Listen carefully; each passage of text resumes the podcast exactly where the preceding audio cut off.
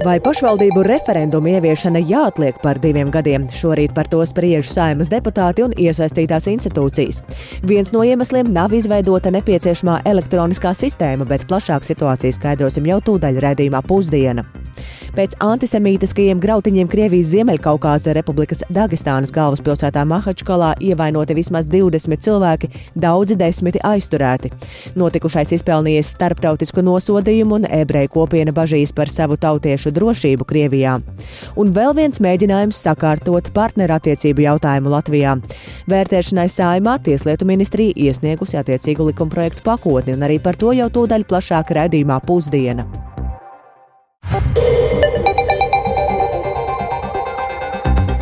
12,5 minūtes skanējums sāk ziņu raidījums pusdienu, un tajā plašāks skaidrojums par šodien, 30. 30. oktobrī, būtisko studijā Dāca Pēkšēna. Esiet sveicināti!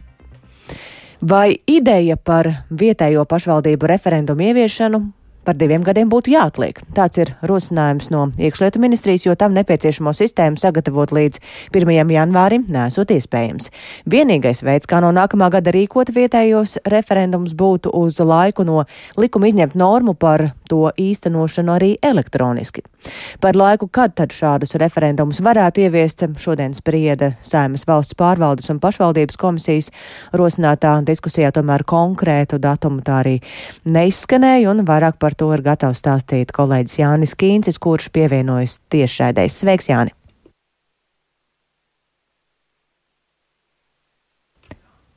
Jāni, vai tu mūs šobrīd dzirdi?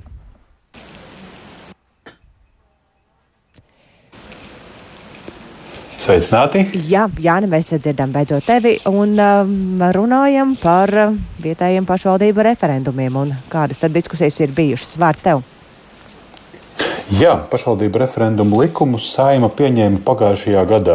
Pašlaik šis likums paredz vietējos pašvaldību referendumus ieviest no nākamā gada 1. janvāra.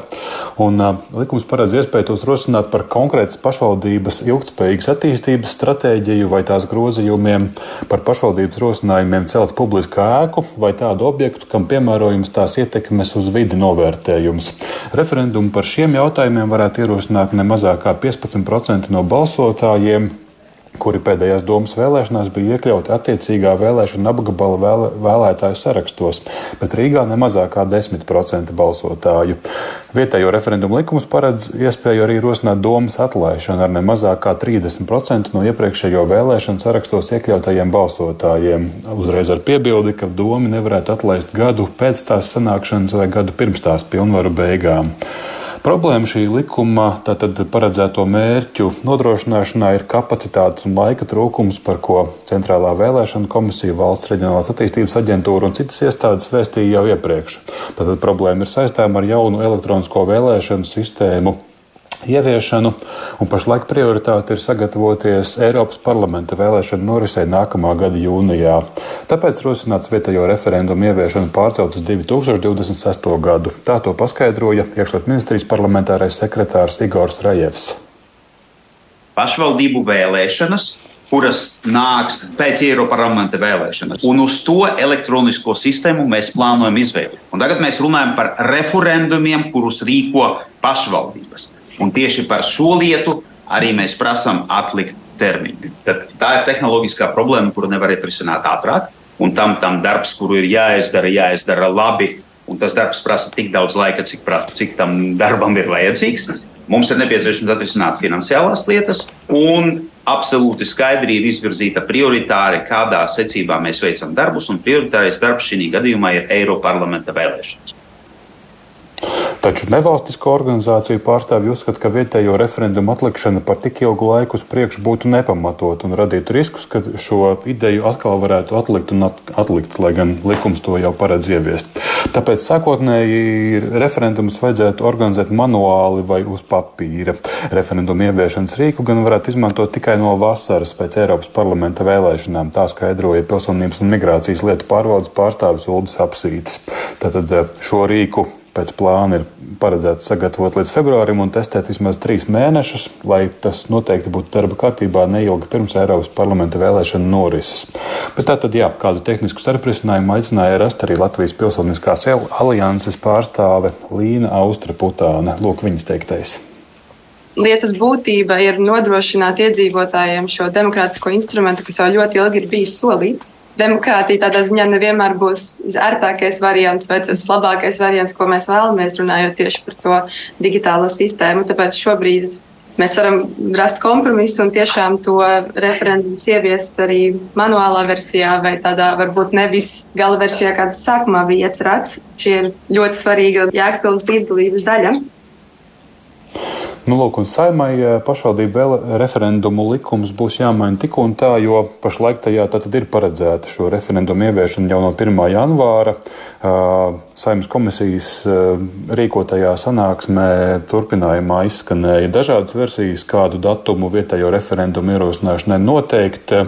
Saimnes valsts pārvaldes un pašvaldības komisijas vadītājs deputāts Oļegs Burovs rosināja sagatavot komisijas priekšlikumu par 1. septembri. Taču jā, nu, par galīgajiem šīs dienas lēmumiem vai virzību uz lēmumiem šajā jautājumā varēsim pavēstīt vēlāk, jo pašlaik šī sanāksme vēl turpinās. Un, jā, tad par to noteikti arī pēcpusdienā izstāstīsim detalizētāk. Paldies Jānim Kīncim par stāstījumu par līdz šim zināmo, bet esam nonākuši arī līdz kārtējumam mēģinājumam sakārtot partnerattiecību jautājumu. Sēmai būs jāvērtē iecere par partnerības institūtu. Attiecīgu likumprojektu pakotni šodien Sēmas juridiskajā komisijā ir iesniegusi tieslietu ministre Inese Lībiņegnere, no jaunās vienotības norādot, ka tādā veidā tiek izpildīts satvērsmes tiesas spriedums. Tātad partnerība būtu jauns veids, kā juridiski nostiprināt divu pilngadīgu personu attiecības, paredzot tām noteikta veida sociālo un ekonomisko aizsardzību. Pirms brīža intervijā redzījumam pusdiena viņa arī izteicās, ka ir plānotais termiņš, kad šāds likums varētu stāties spēkā 1. jūlijas nākamajā gadā, un tas ir reāls. Saimnes juridiskā komisija uzskata, ka šo likuma projektu var pārņemt un, un virzīt uz saimu pirmajā lasījumā tuvākajā laikā. Tad ir iespējams šā gada laikā likuma projekta nu, procesu saimā noslēgt, un tad arī viss varētu stāties spēkā. Tā kā tas ir iespējams, šis datums ir noteikts, ņemot vērā saimas darba procedūras, un, un, un, un es domāju, ka tas ir iespējams. Lībiņa Egnere atzinīgi novērtēja arī nevalstisko organizāciju iesaistu un atbalstu šajā jautājumā, gan piemetinot, ka ilgstoši pie šī jautājuma ir strādāts arī neatkarīgi no tā, un šobrīd darbs ir noslēdzies un sekos izvērtēšana. Un jāpiebilst, ka šo, tieši šodien vienzimuma partnerību atbalsta organizācija dzīves biedri Tieslietu ministrijai iesniedz vairāk nekā 13 tūkstošu iedzīvotāju parakstītu atbalsta vēstuli un par ieceri vairāk šorīt redzīmā. Labrīt kolēģim Laurim Zvejniekam sacīja kustības vadītājs Kaspars. Zālītis. Primāri tas, ko mēs, protams, vēlētos panākt atsevišķu likuma izveidi, bet, cik mēs saprotam, arī no valdības rīcības plāna steidzamajām prioritātēm, kur šis arī ir iekļauts, atsevišķs likums nebūs, bet būs izmaiņas vairākos citos likumos. Un viena tā svarīgākā lieta, ko mēs vēlētos, ir, lai valsts saredzētu šīs ģimenes, kas atrodas ārpus laulības savienībā. Un tā ir tā primārā lieta, ko mēs lūdzam, un to, uz ko arī satversmes tiesa norādīja.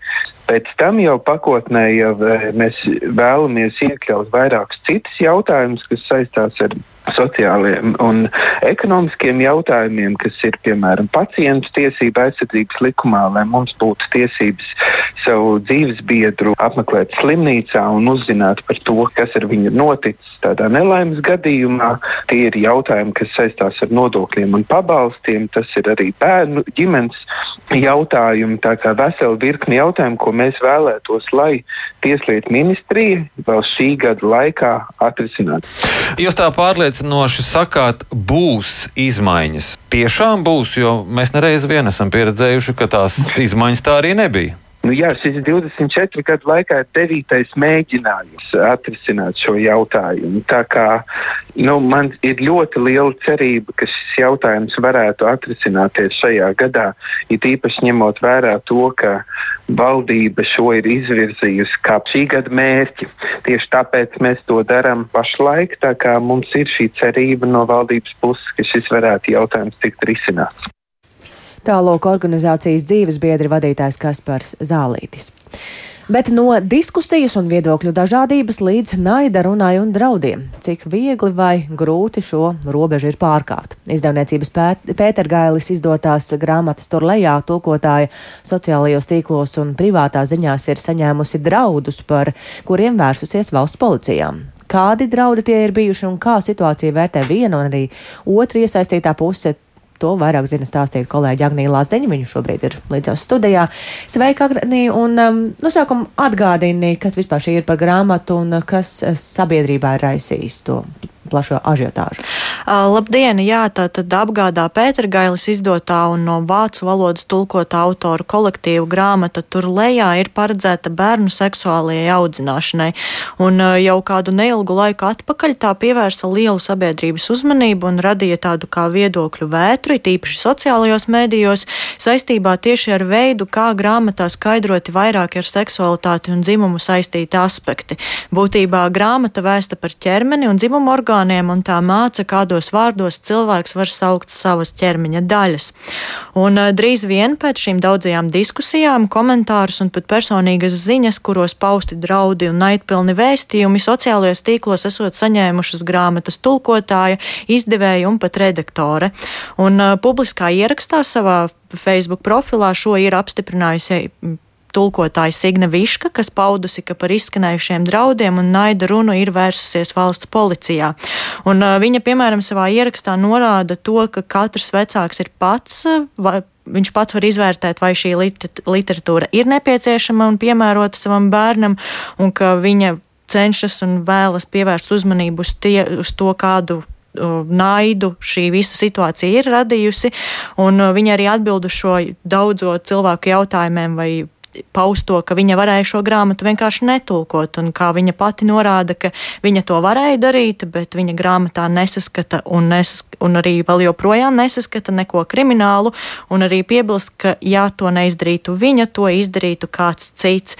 Bet eh, tiesa, ka ne visi ir pret tulkotāju, redaktori un izdevēji, ļoti daudzi cilvēki ir pauduši atbalstu, piemēram, Latvijas Rakstnieku savienība ir publicējusi publisku atbalstu atklātas vēstules formā tulkotājai un pārējiem pārējiem, kas ar grāmatu ir saistīti, aicinot nepieļaut, ka draudi autoriem, tulkotājiem vai izdevējiem kļūst par normu Latvijā.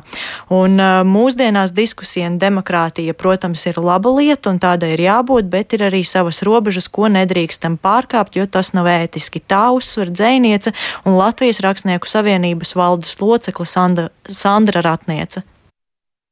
Man, piemēram, arī ļoti asociējās personīgi šis gadījums varētu būt paralēls kā ar vilku baru. Tātad vilka bars uzklūp ganāmpulkam, piemēram, vājāk aizsargātajiem. Jā, protams, kā mēs arī esam rakstījuši, ka diskusijā dzimst patiesība, bet šai patiesībai jādzimst ir cieņpilni un ar pamatojumiem. Un respektējot arī to, ka mūsu sabiedrībā mēs esam um, toleranti un uh, pieņemoši dažādu cilvēku, dažādu uzskatu pieņemoši.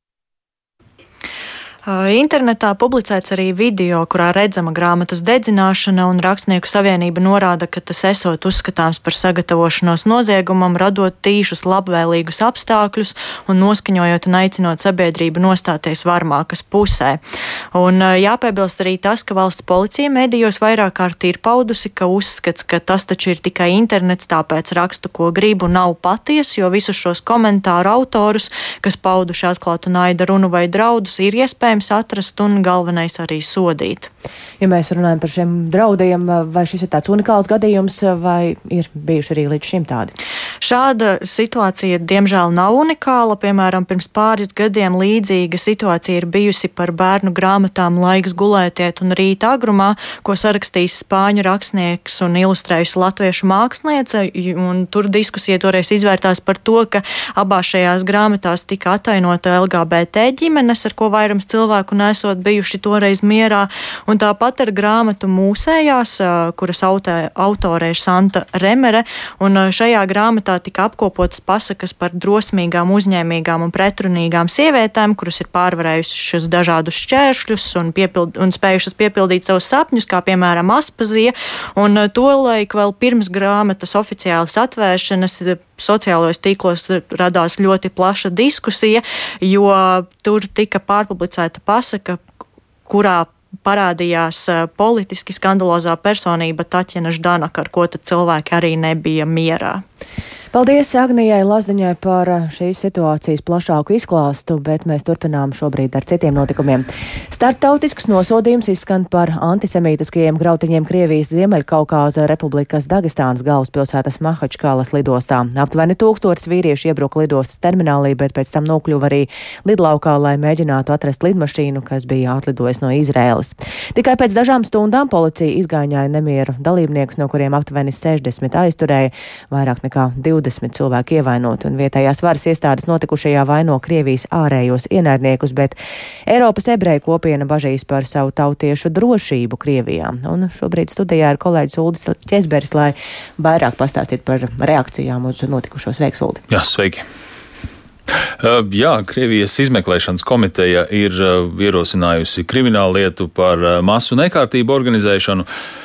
Bet Dagestānas iekšlietu ministrija paziņoja, ka izmantojot lidostas eh, novērošanas kameru ierakstus, noskaidros visu grautiņos iesaistīto personu identitāti. Eh, Dagestānas vadītājs Sergejs Meļīkovs iebrukumu lidostā nodēvēja par rupju likuma pārkāpumu, un viņa prāt tas esot kā viņš izteicās, tā tēlaini naža dūriens mugurā visiem tiem Dagestānas iedzīvotājiem, kuri cieno, cīnoties ar nacistiem speciālās militārās operācijas zonā, ar ko viņš domāja Ukrainu.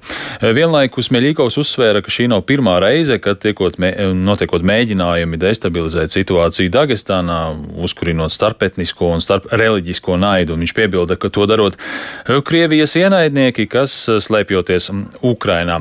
Šeit jāpiebilst, ka pēdējās dienās Krievija Krievijas Ziemeļkaukāza republikās, kur, kā zināms, vairākums iedzīvotāji ir musulmaņi, ir notikušas arī citas pret Izrēlu un ebrejiem vērstas naida akcijas.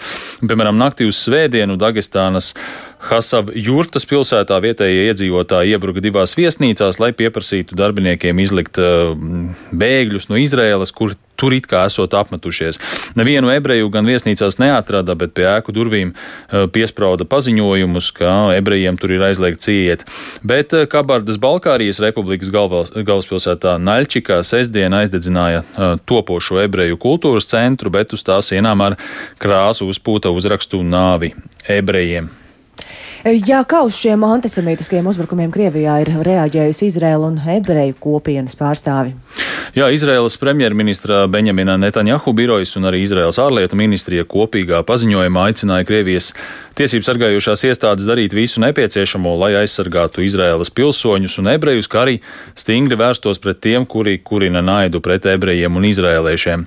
Dagestānas pilsētas Derbentas jūdaistu draudzes rabīns Ovadijā Isākovs vietējam laikrakstam sacīja, ka Situācija reģionā ir nopietna un viņa kopienas locekļi baidās par savu drošību. Bet eh, Eiropas rabīnu konferences prezidents un bijušais Maskavas virsrabīns Pinhas Goldšmits uzskata, ka par antisemītiskajiem uzbrukumiem eh, Krievijas Ziemeļkaukās reģionā ir atbildīgs valsts prezidents Vladimirs Putins, un Goldšmits norādīja, ka Putins nav joprojām publiski nosodījis uh, Hamas grupējumu asiņaino iebrukumu Izraēlas teritorijā 7. oktobrī, bet nu, pagājušajā nedēļā m, mm, Maskavā tika laipni pieņemta Hamas uh, delegācija, ar kuru tikās uh, ārlietu ministrs Sergejs Lavrovs. Un tad varam paklausīties arī Goldšmita komentāru.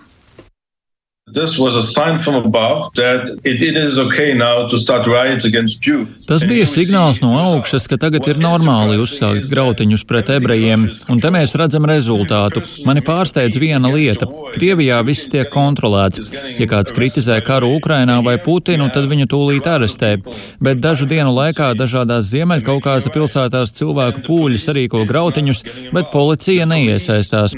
Policija ne tikai nenovērsa iebrukumu Mahačkalas lidostā, lidostā un Hasavjurtas viesnīcās, bet policija palīdzēja iebrucējiem. Ja runājam atklāti, tad man ir bāžas par ebrejiem Krievijā.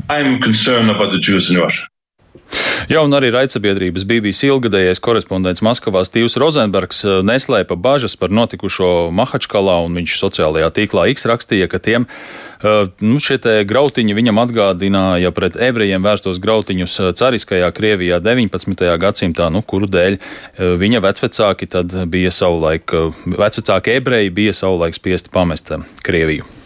Paldies Uldim Česberim. Um, jāpiebilst, ka arī šorīt raidījumā labrīt kolēģiem Martais Kujai un Laurim Zvēniekam valsts prezidents, bijušais valsts, bijušais valsts prezidents Valdis Zatlers sacīja, ka jaunā realitāte ir tāda, ka draudi ir visapkārt un pasaulē vairs nav noteikumu, nav pietāts pret citiem cilvēkiem, ko griba to dara, un tajā pašā laikā viņš arī uzsvēra, ka šis ir laiks, kurā ir ļoti svarīgi saglabāt mieru un pārliecību, kurā nevaram ļauties trauksmei. Vienlaikus arī Zatlers atzina, ka Latvijā neusticība sabiedrībām pieaug.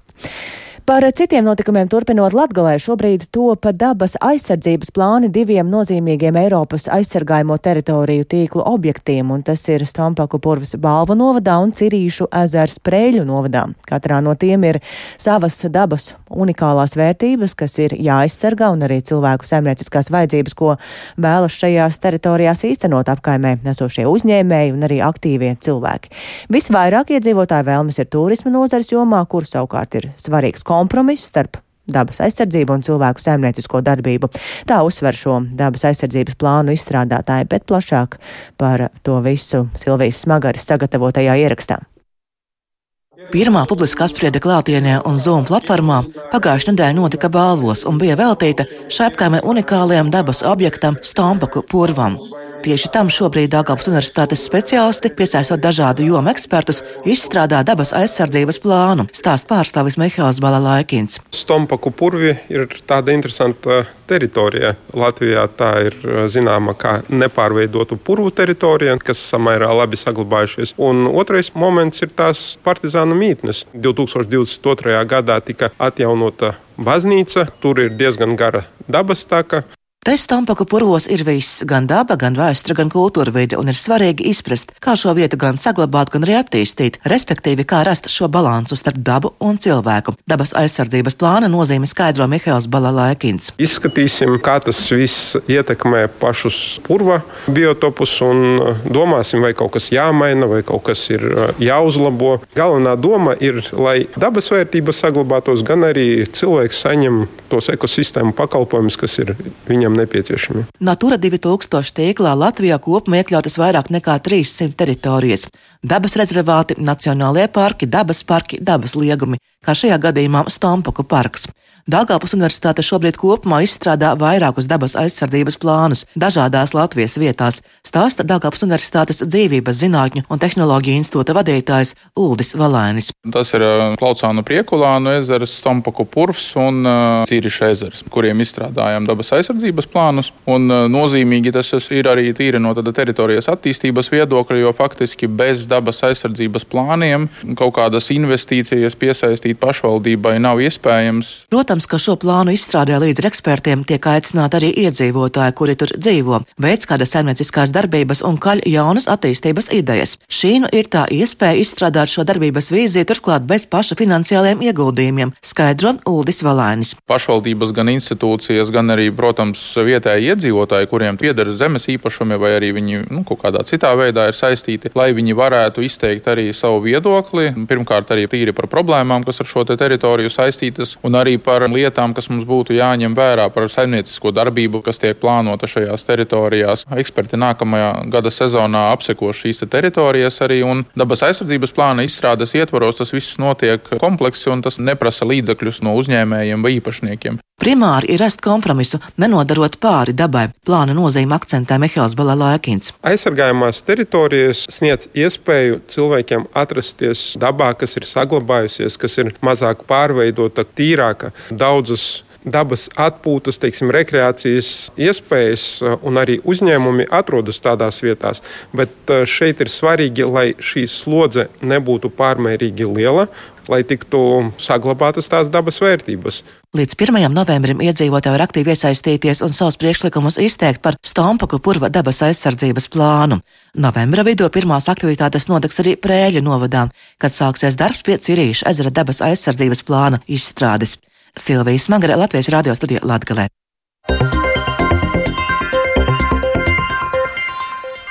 Un ar šo stāstu izskan raidījums Pusdiena, ko producēja Ilze Agīnta, ierakstus montēja Uldis Grīnbergs, par labskaņu rūpējās arī Te Karneča un ar jums sarunājās Dāca Pēkšēna. Vēl īsi par šodien būtisko Vai pašvaldību referendumu ieviešana ir jāatliek par diviem gadiem? To šorīt uh, spriež um, saimnes deputāti un iesaistītās institūcijas. Saimā vērtēs jaunu plānu divu personu attiecību nostiprināšanai partnerības institūtu un starptautiski nosoda Mahačkalas lidostā notikušos antisemītiskos grautiņus.